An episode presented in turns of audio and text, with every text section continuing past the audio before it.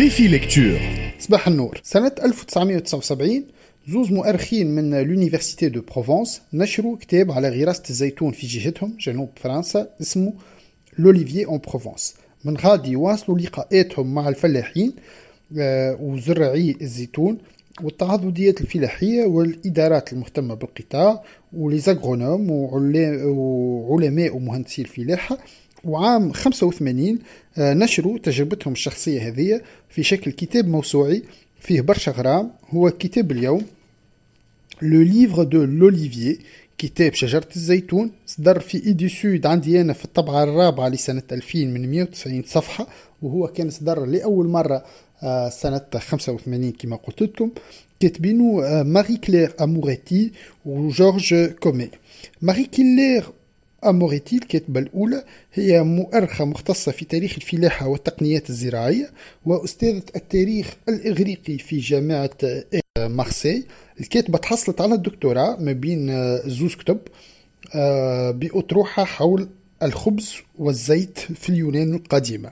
جورج كومي دكتور في العلوم الإنسانية ومدير قسم التاريخ سابقا في ال Université de Provence آه، في سنوات التسعينات آه، في كتاب اليوم الكتاب الزوز آه، يحاولوا يكتبوا موسوعة على شجرة الزيتون واستعمالاتها من سبعة فصول. Le livre de l'olivier إذا يبدأ بالفصل الأولى سفرة إلى بلاد الزيتون والمقصود إلى بلدان الزيتون ومكانة الشجرة هذه في العالم وخاصة في البحر المتوسط.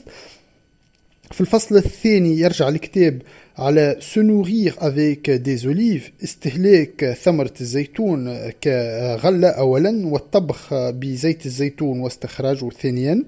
في الفصل الثالث الاستعمالات المختلفة والنادرة أو المنسية لزيت الزيتون كاستعماله للتداوي واستعماله كمرهم للتجميل والاستعمالات الصناعية بتاع الزيت. في الفصل الخامس يرجع الكتاب الزوز على الغراسة متاع شجرة الزيتون والإعتناء بها وجني الزيتون. الفصل الخامس يتعرض لصناعة الزيت واستخراجه ما بين التقاليد والتجديد على امتداد أكثر من 3000 سنة تاريخ. استخراج الزيت بدون رحاء استعمال للسونتريفوجوز وغيره من التقنيات الحديثة أو المجدة في آه، استخراج الزيت. في الفصل السادس يرجع الكتاب على الزيتون في بحر المتوسط على امتداد 3000 سنة من الصراعات بين المنتجين والمستهلكين وتاريخ تجارته ودوره في انتجار التجارة والملاحة البحرية.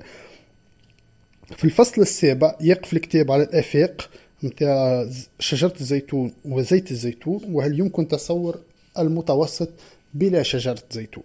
الكتاب تكتب في الثمانينات ويحاول يجاوب على حيرة زمانها حول التهديدات بانقراض الزيتون أو تراجعه وغلاء زيته وهل أنه الطبخ بزيت الزيتون مضر بالصحة.